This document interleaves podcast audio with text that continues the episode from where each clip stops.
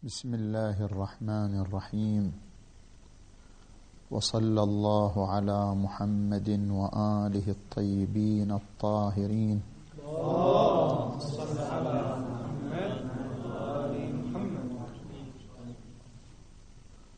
ما زال الكلام في التأمل فيما أفاده السيد الشهيد قدس سره. من أن القضايا الحسية ليست من القضايا الأولية بل هي من القضايا النظرية التي يحتاج إثباتها إلى إقامة دليل حساب الاحتمالات. وذكرنا في الجلسة السابقة أن هناك مجموعة من الملاحظات في هذه النظرية. الملاحظة الثالثة التي وصل الكلام إليها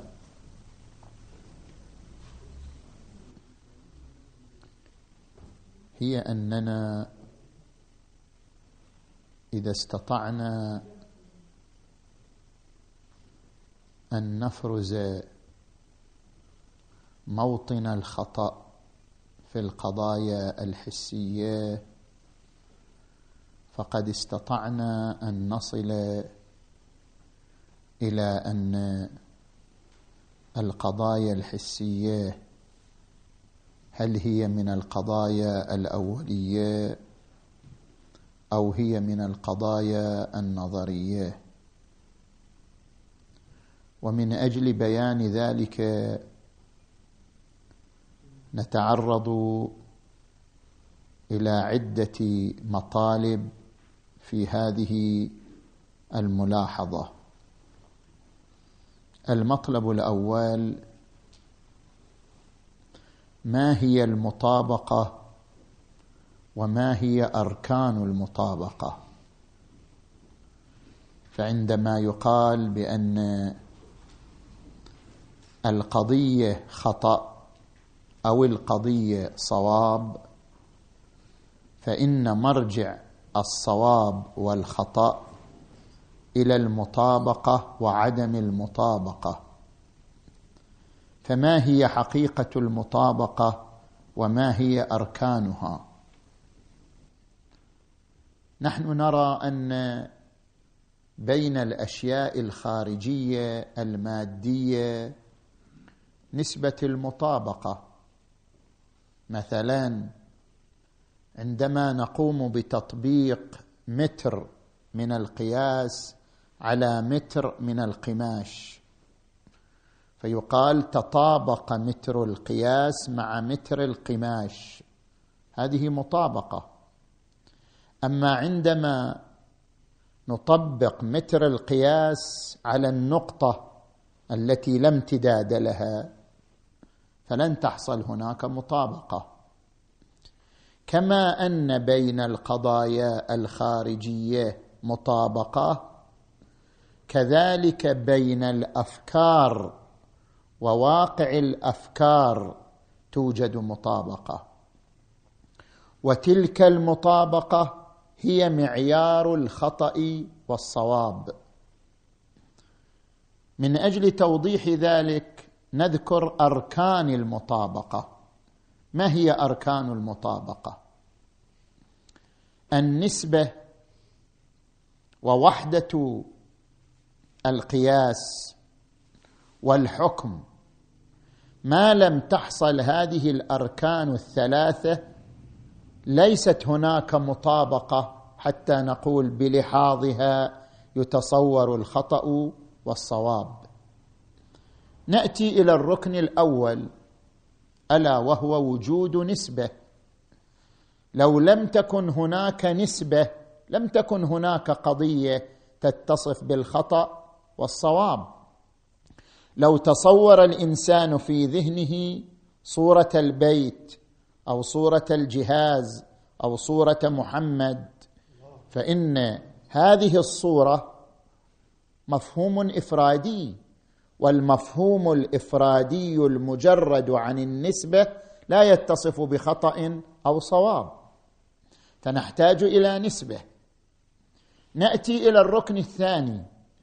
أن يكون هناك نسبة مقيسة إلى شيء وبين المقيس والمقيس عليه وحده.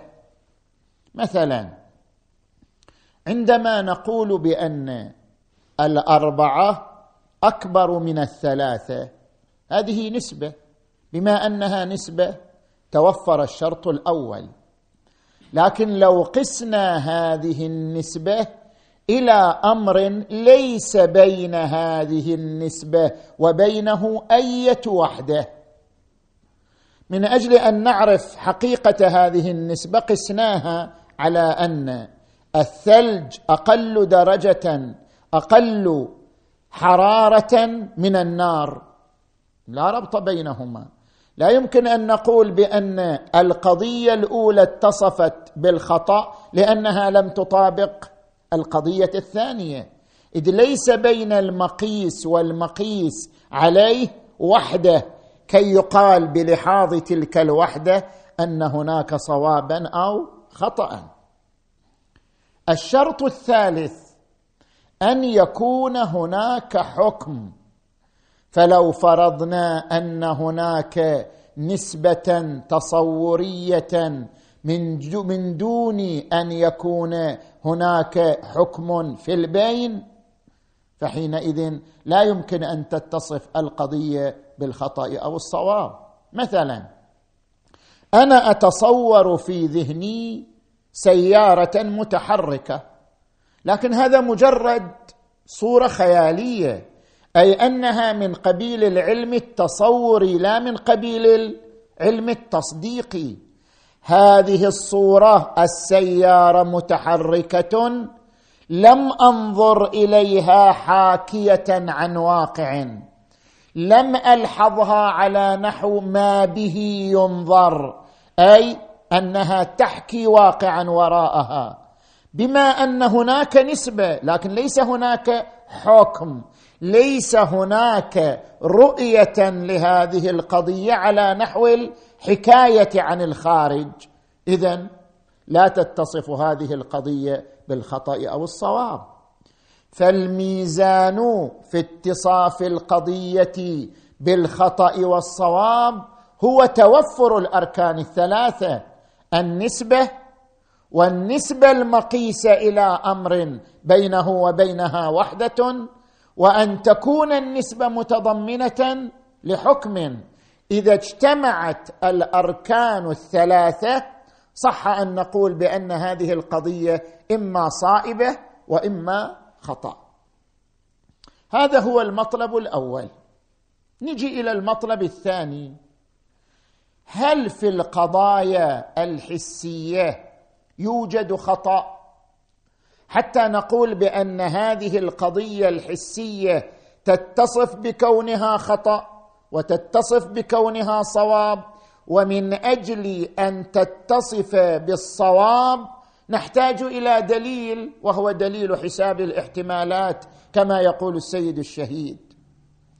عندما نأتي لنحلل القضايا الحسية نجد أن القضايا الحسية تمر بمراحل أربع لا خطأ فيها اطلاقا. المرحلة الأولى تفاعل الحس مع الواقع الخارجي.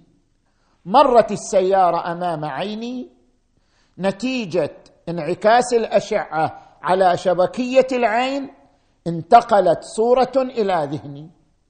لا يوجد هنا أي خطأ. تفاعل الحس مع الواقع لا يوجد فيه أي خطأ اطلاقا. نأتي إلى المرحلة الثانية. المرحلة الثانية الذهن عندما يقوم بتحليل الصورة يرى أن الصورة فيها مجموعة نسب. نسبة اللون هل لون السيارة بيضاء سوداء نسبة الحركة والسكون. هل كانت متحركة أم ساكنة؟ نسبة الشكل. شكل السيارة المتحركة. مثلث مستدير مستطيل. نسبة القرب والبعد. الصورة قريبة بعيدة. نسبة الكبر والصغار. كبيرة صغيرة. هذه النسب كلها تجتمع في هذه الصورة التي انطبعت وارتسمت في الذهن. فالذهن عندما يلاحظ الصورة يرى مجموعة من النسب تضمنتها هذه الصورة. أيضا هنا لا يوجد أي خطأ. ذهن يقوم بتحليل صورة فيراها متضمنة لمجموعة من النسب. المرحلة الثالثة مرحلة تأليف الصورة. الذهن استقبل الصورة قام بتحليلها الآن يقوم بوضع الصورة النهائية لما ارتسم في ذهنه. أيضا هنا لا يوجد أي خطأ فيما يقوم به الذهن في تجميع العناصر والأجزاء التي تكون الصورة المتكاملة. نأتي إلى المرحلة الرابعة. المرحلة الرابعة هي المرحلة الرابعة هي مرحلة الحكم. بمعنى أن الذهن يلحظ هذه الصورة مقيسة إلى الخارج فهو يلحظها على نحو ما في ما به ينظر يلحظها مقيسة إلى الخارج. لنفترض أن الخارج ما في سيارة متحركة ابدا. نحن نقول هذا الحكم خطأ. أين الخطأ؟ أين موطن الخطأ في هذا الحكم؟ في الخارج ما يوجد سيارة متحركة. هذا الحكم خاطئ. أين موطن الخطأ في الحكم؟ هذا تبين لنا أن المراحل التي تمر بها الصورة الحسية لا يوجد فيها أي خطأ. لما وصلنا إلى المرحلة الرابعة ألا وهي مرحلة الحكم؟ قلنا بأن هناك خطأ لأننا لا نرى هذا الحكم متطابقا مع الخارج. أين موطن الخطأ في الحكم؟ نجي الآن إلى المطلب الثالث. الحكم ليس فيه خطأ بما هو شأن من شؤون النفس. الحكم هو فعل نفسي. كما أن الصور التي ترتسم في النفس هي من قبيل العلم الحضوري يعني علم النفس بالصورة علم حضوري والعلم الحضوري لا يخطئ. كذلك ما تقوم به النفس من أفعال لا خطأ فيها. قيام النفس بالحكم يعني قيام النفس بلحاظ القضية والصورة مقيسه إلى الخارج. هذا العمل عمل نفسي عمل ذهني. هذا العمل الذهني ليس فيه خطأ. علم النفس به علم حضوري لا خطأ فيه. فليس الخطأ في الحكم من حيث كونه فعلا معلوما للنفس علما حضوريا. ابدا لا يوجد خطأ في ذلك. ولأجل ذلك هذا الحكم تستطيع أن تجعله مفهوم إفرادي ولا تجد فيه خطأ. السيارة متحركة تقول حركة السيارة. حركة السيارة مفهوم إفرادي لا يقبل الاتصاف بالخطأ والصواب. تستطيع أن تجعل هذا الحكم مفهوما اسميا موضوعا لقضية أخرى. الحكم بما هو هو مفهوم حرفي متقوم. بطرفين سيارة وحركة. تستطيع أن تجعله مفهوما اسميا وموضوعا لقضية أخرى فتقول حركة السيارة تغاير حركة الطائرة. اذا نفس الحكم بما هو حكم لا يتصف بالخطأ والصواب. أو أن هذا الحكم نفسه تستطيع أن تجعله علما تصوريا بحتا يعني لا يستتبع جزما. فلا يكون متصفا بالخطأ والصواب. اذا أين موطن اتصاف الحكم بالخطأ؟ الحكم بما هو فعل من أفعال النفس لا يتصف بالخطأ. اذا متى وأي نكتة تقتضي اتصاف الحكم بالخطأ؟ نجي إلى المطلب الرابع. بمقتضى أن الضدين اللذين لا ثالث لهما لا يمكن أن يرتفعا معا. ما هذا الضد أو هذا الضد؟ لا يعقل أن يرتفع الضدان اللذان لا ثالث لهما فإن ارتفاعهما من قبيل ارتفاع النقيضين وهو محال. بناء على هذه القاعدة كل قضية فيها خطأ فيها صواب. لا يمكن أن تكون القضية لا خطأ ولا صواب. لا يمكن أن تكون القضية خطأ وصواب. كل قضية تتضمن خطأ تتضمن صوابا. بناء على هذا أي قضية نفترضها سوف نكتشف أنها من جهة خطأ من جهة صواب. مثلا عندما نقول جاء محمد إلى البيت محمد ما جاء إلى البيت. اذا وين الخطأ في القضية؟ نقول إما في الموضوع إما في المحمول إما بلحاظ متعلق المحمول والموضوع. مثلا نجي إلى الموضوع. هو محمد وضع رجله على عتبة البيت لكن الذهن بدل صورة وضع الرجل على العتبة جعل الصورة شنو؟ مجيء. وإلا هو ما كان مجيء كان وضع رجل على العتبة. زين. أو لا. هناك مجيء بس الجائي من؟ مو محمد الجائي علي. الذهن وضع صورة محمد بدل صورة علي. أو لا فعلا محمد جاء بس محمد ما جاء إلى البيت جاء إلى بيت الجيران. الذهن وضع صورة مجيء محمد إلى البيت بدل صورة مجيء محمد إلى بيت الجيران. أين الخطأ؟ في الصورة الأولى وضع محمد رجله على عتبة البيت قضية صائبة وليست مخطئة. في الصورة الثانية مجيء علي إلى البيت أيضا قضية صائبة وليست قضية خاطئة. الصورة الثالثة مجيء محمد لبيت الجيران. أيضا قضية صائبة وليست قضية خاطئة. اذا أين الخطأ؟ الخطأ في عمل القوة المتخيلة. الصورة المحسوسة ما فيها أي خطأ. صور القوة المتخيلة تضع صورة مكان صورة أخرى لتشابههما.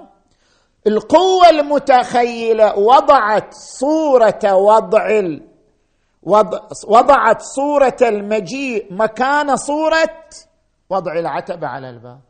هذا كله من عمل القوة المتخيلة. فنشأ الخطأ.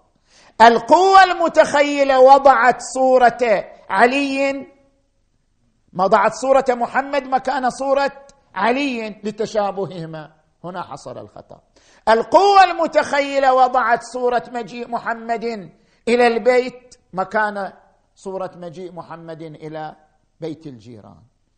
فالخطأ دائما في عمل القوة المتخيلة. هي التي تضع صورة مكان صورة لتشابههما. إذن بهذا التحليل وصلنا إلى أنه لا يوجد خطأ في القضايا الحسية. السيد الشهيد قدس سره الشريف عندما يقول لأجل وقوع القضاء لأجل وقوع الخطأ في القضايا الحسية تبين أن القضايا الحسية ليست قضايا أولية ويحتاج إثباتها إلى دليل حساب الاحتمالات. تبين لنا أن لا يوجد خطأ في القضايا الحسية اطلاقا. موطن الخطأ مركز الخطأ في عمل القوة المتخيلة التي تضع صورة مكان صورة وإلا القضية الحسية لو جردت من عمل القوة المتخيلة لما كانت قضية متصفة بالخطأ. كي تكون القضايا الحسية خارجة عن إطار القضايا الأولية داخلة في إطار القضايا النظرية. والا هذه القوة المتخيلة حتى في القضايا الفكرية حتى في القضايا الوجدانية قد تتصرف. مثلا عندما نقول عندما يقول لنا مثلا الملحد الله ليس بموجود. نقول هذه قضية خطأ. بس أين الخطأ؟ قد يكون في صورة الموضوع قد تكون في صورة المحمول. مع انها قضية ليست قضية حسية. من أبده القضايا لدينا أن الله موجود. الله ليس بموجود أكو خطأ. صوره الموضوع صوره المحمول. مثلا تصور أن الله هو عبارة عن قوة مادية وراء الطبيعة. لأنه تصور أن الله عبارة عن قوة مادية وراء الطبيعة قال الله ليس بموجود ما في قوة مادية وراء الطبيعة. أو في المحمول الله كما هو وهو واجب الوجود. قال ليس بموجود يقصد بالموجود الوجود المادي المحدود بزمن أو مكان. قال الله ليس بموجود يعني ليس بموجود في إطار عالم المادة. الخطأ في التحفظ على نفس الموضوع. والتحفظ على نفس المحمول ويتصرف القوة المتخيلة في إبدال أحدهما مكان الآخر.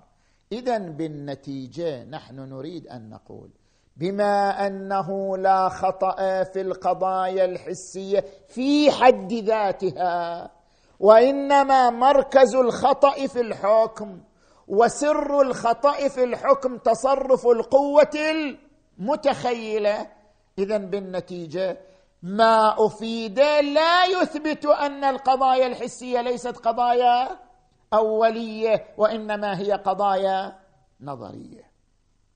الملاحظة الثانية طبعا هذه كانت ملاحظة ثالثة اذا نسمي هذه الملاحظة ملاحظة رابعة.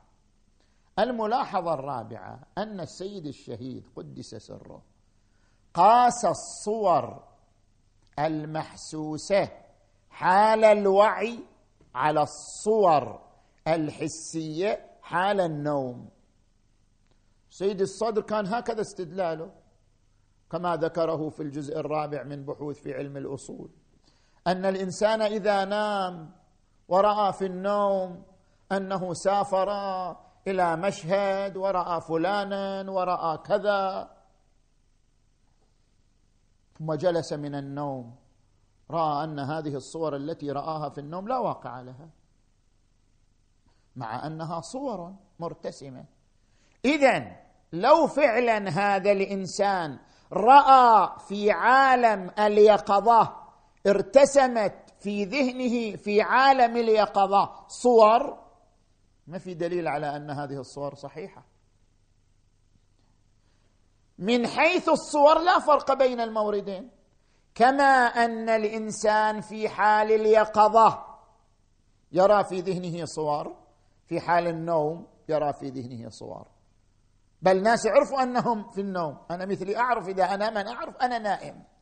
أعرف أنا الآن فعلا نائم وأنا في رؤية مو في حق مو في حقيقة ولا واقع. اذا الرؤيا الإنسان يرى أنه في من حيث الصورة لا فرق. من حيث الصورة لا فرق. أنا في النوم أرى صور وأدري أنها صور. وأنا في اليقظة أرى صور وأدري أنها صور. اذا بالنتيجة من حيث الصور المرتسمة في النفس لا فرق بين الموردين. اطلاقا لا فرق بين الموردين. اذا إذا لم يكن هناك فرق بين الموردين فما معنى أن هذه الصور لا واقع لها وهذه الصور صحيحة؟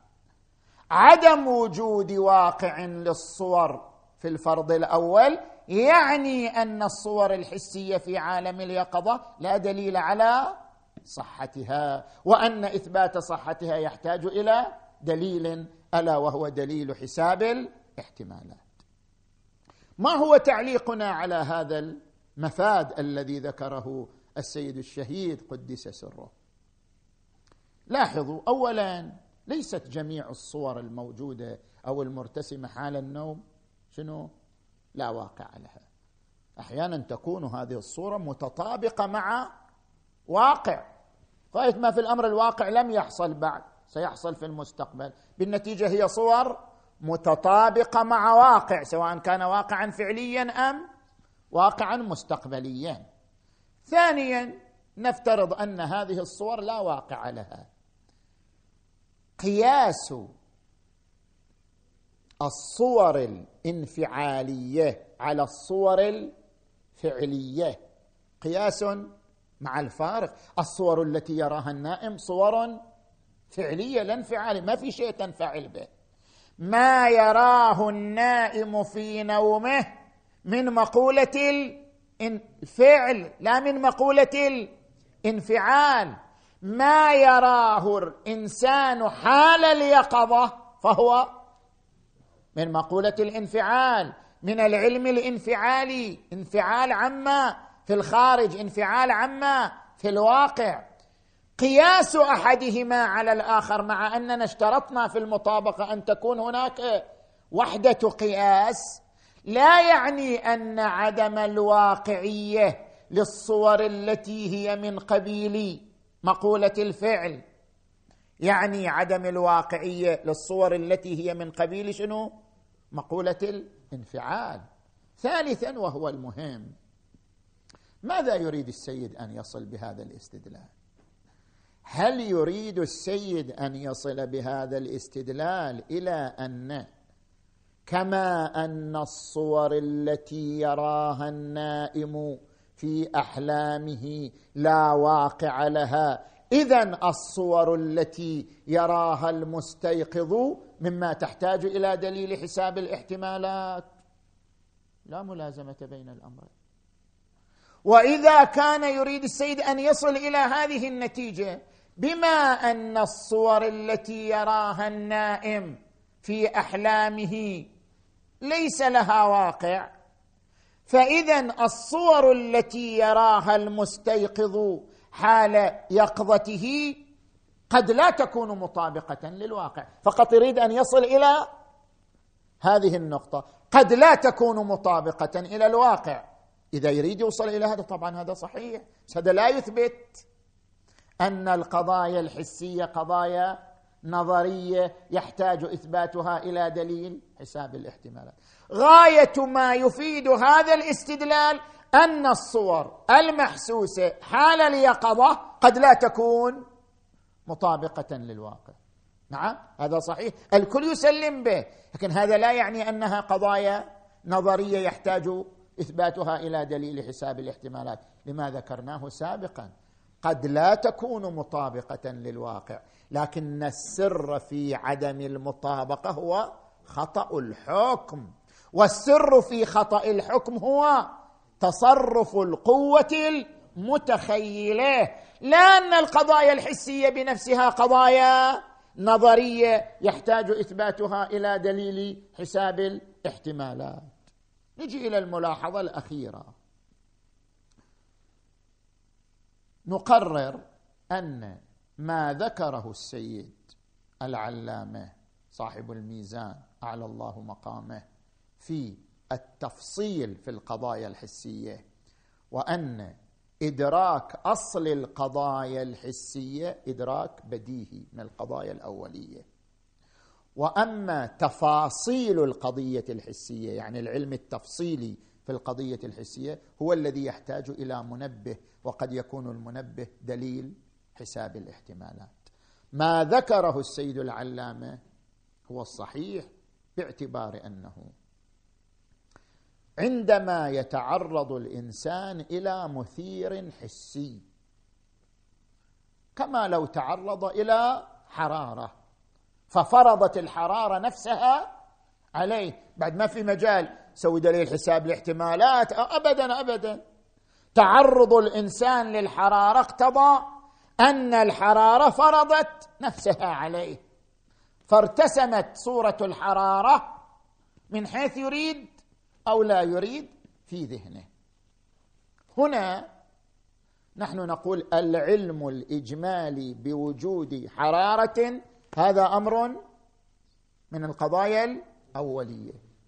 أما تفاصيل هذه الحرارة هذه حرارة من النار حرارة من الشمس حرارة من الحركة كم درجة هذه الحرارة؟ هذه القضايا التفصيلية يحتاج إثباتها إلى منبه قد يكون هو دليل حساب الاحتمالات لماذا نقول بأن إدراك أصل القضايا الحسية هو من الأمور الأولية؟ لأن المناط في الأول ما هو؟ نحن درسنا في المنطق القضايا الأولية بس ما هو المناط في كون القضية قضية أولية؟ المناط في كون هذه النسبة قضية أولية هو أن النفس تجزم بها وتجزم بعدم انطباقها على غيرها. يعني النفس تجزم بأمرين بجانب ثبوتي وجانب سلبي. تجزم بها وتجزم بعدم انطباقها على غيرها. ونتيجة الجزم بهذين الجانبين الجانب الثبوتي والجانب السلبي تعتبر القضية قضية أولية. مثلا في علم المنطق يقولون الكلي ينتزع من الجزئيات. أمامي محمد وعلي وحسن وحسين. أنا انتزعت من هذه الجزئيات صورة كلية وهي صورة الإنسان المسمى باسم شريف. هذا أمر كلي. إنسان مسمى باسم شريف زين ما هو الدليل على أن هذه الصورة الكلية منتزعة من هذه الجزئيات؟ ليش ما تكون هذه الصورة فعل من أفعال النفس وليست منتزعة من الجزئيات؟ يقولون الدليل على ذلك أن النفس عندما تدرك هذه الصورة تدرك الجانب الثبوتي لها وهو انطباقها على هؤلاء الأفراد. وتدرك الجانب السلبي وهو عدم انطباقها على غيرهم. هل تنطبق هذه الصورة على مايكل؟ هل تنطبق هذه الصورة على سوزان؟ هل تنطبق؟ لا هذه الصورة تنطبق على هؤلاء لا تنطبق على غيرهم. جزم النفس بانطباق الصورة على مورد وعدم انطباقها على غيره يجعل إدراك النفس للصورة ادراكا اوليا. لذلك قالوا الكل منتزع من الجزئيات وليس مختلقا من النفس. نفس هذا الاستدلال يأتي في القضايا شنو؟ الحسية يعني في إدراك أصل القضايا الحسية. الإنسان عندما يتعرض جسمه لمثير خارجي كما إذا تعرض للحرارة ففرضت الحرارة نفسها عليه وارتسمت صورة للحرارة في ذهنه الذهن خلال لحظة من مثلا تريليون لح ثانية من يدرك هذه الصورة يعني يجزم بها يجزم أن هنا حرارة ويجزم بعدم انطباق هذه الصورة على غيرها. يجزم بعدم انطباق هذه الصورة على الثلج. يجزم بعدم انطباق هذه الصورة على الحجر. يجزم بعدم انطباق هذه الصورة على الجهاز. وهكذا. اذا جزم النفس بالعنصر الإيجابي للصورة والعنصر السلبي للصورة يجعل إدراك النفس للصورة ادراكا اوليا. وهذا منطبق على إدراك أصل القضايا الحسية. نعم التفاصيل تحتاج إلى منبه كدليل حساب الاحتمالات. انتهينا من هذا البحث وهو بحث الأوليات ومنها القضايا الحسية ويأتي بحث مهم في نظرية المعرفة ألا وهو هل أن الحقيقة مطلقة أو الحقيقة نسبية. نبحث هذا في الجلسات القادمة إن شاء الله تعالى. والحمد لله رب العالمين وصلى الله على محمد وآله الطيبين الطاهرين.